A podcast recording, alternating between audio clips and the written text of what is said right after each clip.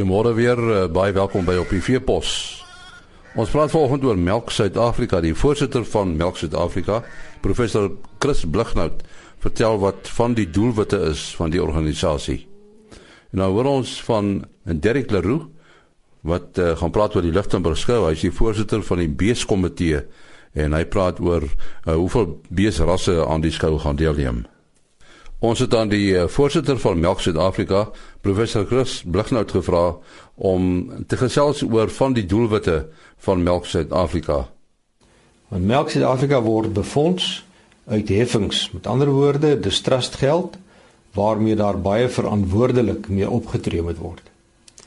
Nou Melk Suid-Afrika het sy oorsprong in hier 1998 toe die ou Suid-Afrikaanse Melkfederasie op versoek van die destydse departement van handel en nywerheid 'n strategie vir die suiwelbedryf moes uitwerk. Nou die suiwelbedryf het dadelik hierdie geleentheid aangegryp onder die vaandel van die destydse Suid-Afrikaanse Melkfederasie. Nou die Suid-Afrikaanse Melkfederasie sluit in die primêre produsent sowel as die verwerker. Hulle het heen gegaan en op grond van uh groepswerk, lang debatte, lang vergaderings, terugvoering na die verskillende werkgroepe oor heen en weer en op daai werkgroepe was natuurlik beide die verwerkers sowel as die primêre produsente. Die uh uit die proses het voortgekom 'n visie en 'n missie vir die um, suiwelbedryf in sy geheel, dit wil sê boer tot by verbruiker. Want op hierdie komitees of werkgroepe was daar ook mense van die verbruikers ingesluit. Ehm um, die gevolg hiervan was dat daar wel 'n resultaat gekom het wat uh, uitgeloop het op uh, verskillende strategieë. As ek reg onthou was daar ongeveer 12 strategieë. En van daardie strategieë dink ek was baie van die ander bedrywe voor, want hulle het byvoorbeeld daar geïdentifiseer dat werkers, dat plaaswerkers moet 'n loopbaan in die nywer in die nywerheid kry. Het sy op die plaas, het sy op die verwerkingsbedryf. Nou nadat hulle dit gedoen het, uh het hulle besef dat nou dat die bemarkingsraad nie meer daar is nie, moet hulle na die nuwe nasionale bemarkingsraad toe gaan om vir hulle te vra mense, kan ons heffings instel sodat ons van hierdie strategie dan nou kan toepas. Nou handel en nywerheid het ons baie sterk gesteun in hierdie ding. Die bemarkingsraad het in konsultasie met die minister gegaan en op die einde van die dag het hulle wel besluit dat so 'n heffing ingestel kan word. Nou daar's baie boere en verwerkers wat wonder wat gebeur nou met hierdie heffingsgelde. Nou basies kom dit daarop neer dat die bemarkingsraad het gesê dat hierdie heffing wat jy in net 10% daarvan mag vir administratiewe kostes aangewend word. En dit is 'n groot taak. Glo my, dit is nie maklik om binne daardie 10% te hou nie. En dan is dit ingedeel in ses ander mandate wat ons het waar binne ons moet beweeg en waar ons waarvandaan ons nie kan wegbeweeg nie. Die vraag nou is uh wat word dan nou met hierdie geld gedoen? Ehm um, en my vriend Nico Forsie het so rukkie gelede vir julle verduidelik van hierdie ses mandate. So ek gaan net by een of twee van hulle stil staan wat wat my betref 'n baie sterk toekomsgerigte aksie het. Ek sê nie die ander het dit nie ook nie, maar hierdie het veral veral in die lig van die regeringsbeleid van die dag. Nou een van hulle is uh die saak van transformasie.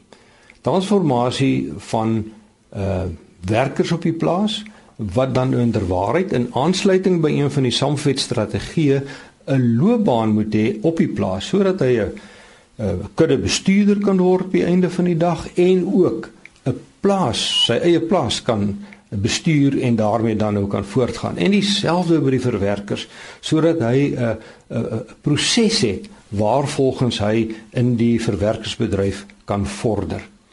Nou dit is nie 'n kwessie van skepping van mededinging nie, want ons weet almal hoe beter gekwalifiseerd en hoe beter opgelei jou mense is, hoe beter is jou produktiwiteit. En dit is die hele doel met hierdie met hierdie aangeleentheid. Nou dit is so dat uh, daar baie mense in die departement van landbou en ook in die bemarkingsraad is wat nie mooi hierdie kwessie van opleiding of die onderrig van mense om hulle te verbeter kan insien nie.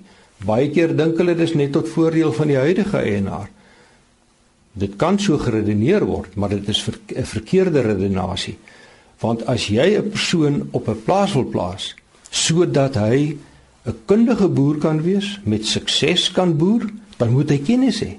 En dit is wat dan nou 'n groot poging wat by die Melk Suid-Afrika uh, se projek oor vaardigheidsopleiding, primêr sowel as sekondêr dan nou gedoen word. In die tweede instansie is die kwessie van verbruikersopvoeding. Weereens is 'n kollektiewe ding. Almal lei uh, trek voordeel daaruit, beide die produsent sowel as die verwerker sowel as die verbruiker.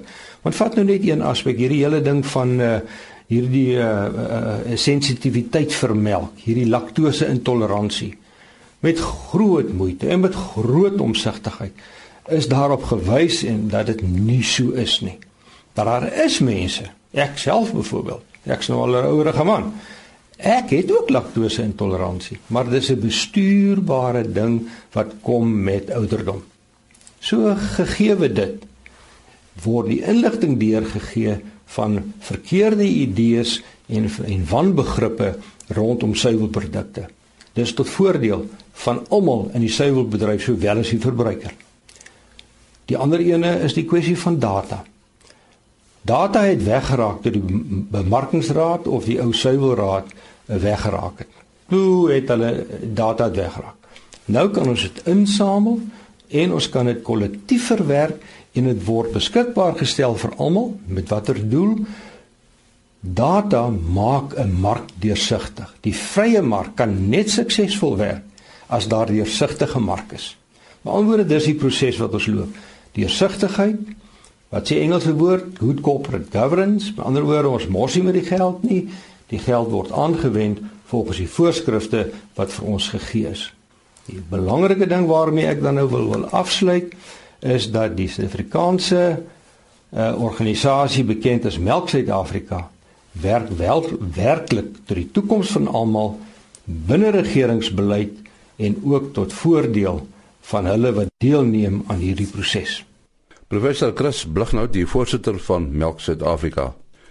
En Derek Leroux is die voorsitter van die beeskomitee van die Lichtenburgse Landbougenootskap. En ons sal 'n bietjie met hom praat oor die uh, die Lichtenburg skou wat uh, later van dese maand plaasvind. Is dit hoofsaaklik eintlik 'n landbouskou, Derek? Ja, dit is hoofsaaklik 'n landbouskou. Uh hierdie jaar gaan dit uh, spesifiek net gerig wees op landboubedrywighede waar daar so vir al die vee en die groot uitstallers by die meganiese afdeling betrokke gaan wees. En uh, jy is nou die voorsitter van die beeskomitee. Hoeveel rasse gaan uh, teenwoordig wees? Uh dit is interessant ons maak plek vir uh, statiese uitstallers as ook uh altermak rasse. Uh onder die uh altermak rasse gaan daar sewe rasse wees en die statiese rasse 2 tot 3. Uh is daar normaalweg uh, baie belangstelling vir hierdie uh, hierdie skou van julle? Uh ek sou sê ja, ons het 'n uh, uh oor die laaste paar jare groot hoeveelheid beeste gehad. Uh laas jaar was bietjie minder geweest weens nasionale kampioenskappe van party van die rasse. Maar oor die algemeen sal ons tot so 500 haltermak diere daai met klein vee wat nog bykom en uh soos ek sê statiese uitstallers en oor die boerbok is ook nog betrokke. Ja, as mens nou kyk na Lichtenburg, dit is eintlik in die hartjie van die van die graanverbouingsarea ook. Uh is daar nogal heelwat uh beesboere in daai omgewing? Uh ja, dis dis nogal interessant uh, dat dat jy daai vraag vra.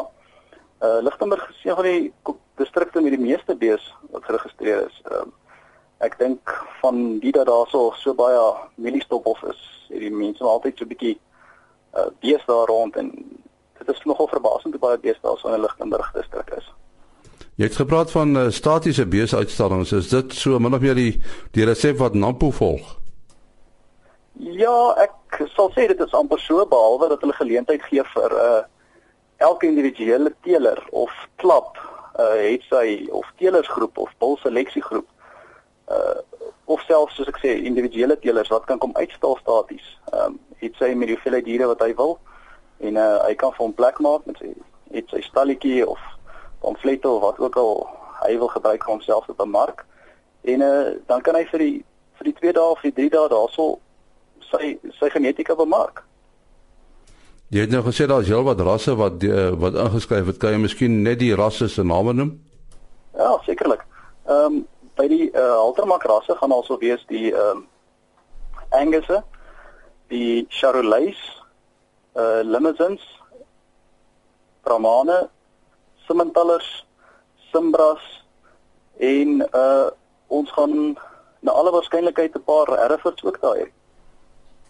Ja, mens kan sien dat die klem op vleisbeeste is, né? Nee? Ja, ek sal sê daar is maar meestal is dit maar vleisbeeste. Ek dink dis maar hierdie wêreld se se groot ding, maar nou is maar lief vir so 'n stukkie rooi vleis op die braaivleisvuur. Uh sien dit weer die die die, die datums van hierdie uh landbouskou of hierdie Lichtenburg skou van julle? Die skou gaan plaasvind van 22 tot 3 tot 24 April. Ehm um, dit gaan by Lichtenburg skougronde wees. Uh daar gaan nie toeganggeld betrokke wees nie. So ons mooi asseblief alle vir, alle alle boere en belangstellendes om asseblief te kom kyk. Vir meer inligting kan hulle ook 'n program by my kry.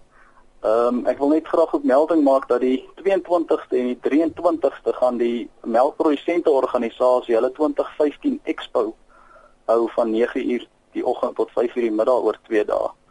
So hulle beloof om 'n groot hoeveelheid ehm um, melk en suiwel georiënteerde uitstallers en demonstrasies en ehm um, kundigheid tot die tot die skou te voeg. So dan word die balans weer reggestel, vleisbeeste en dan natuurlik die MPO. Ja, so hulle hulle hanteer hulle dinge, hulle so hulle gaan nie so groot op die skou gedeelte nie of die statiese uitstallings nie. Ek dink hulle gaan so 'n bietjie meer op hulle produksie konsentreer en en om hulle teelers veral in te rig rondom um, maniere wat hulle kan voer om produksie te verhoog en uh, verskillende tipes voere en en daai tipe sessies. En Derek, waar kan mense meer inligting kry oor al hierdie dinge wat die skou betref? Ehm um, wel ons kan hulle kan hulle kan vir my 'n uh, 'n uh, uh, kontak deur my te skakel of 'n uh, e-pos te stuur.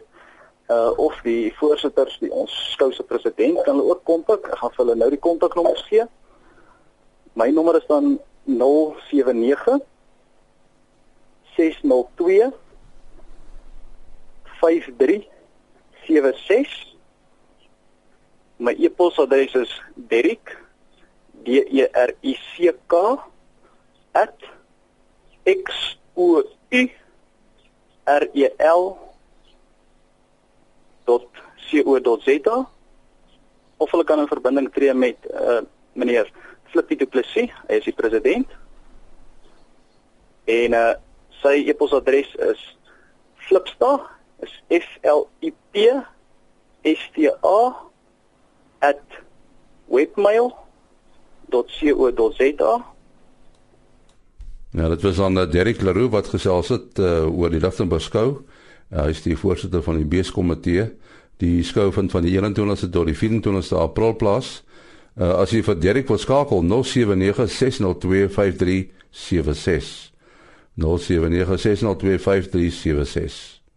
Môreoggend om 4 voor 5 is ons terug. Tot dan, mooi loop.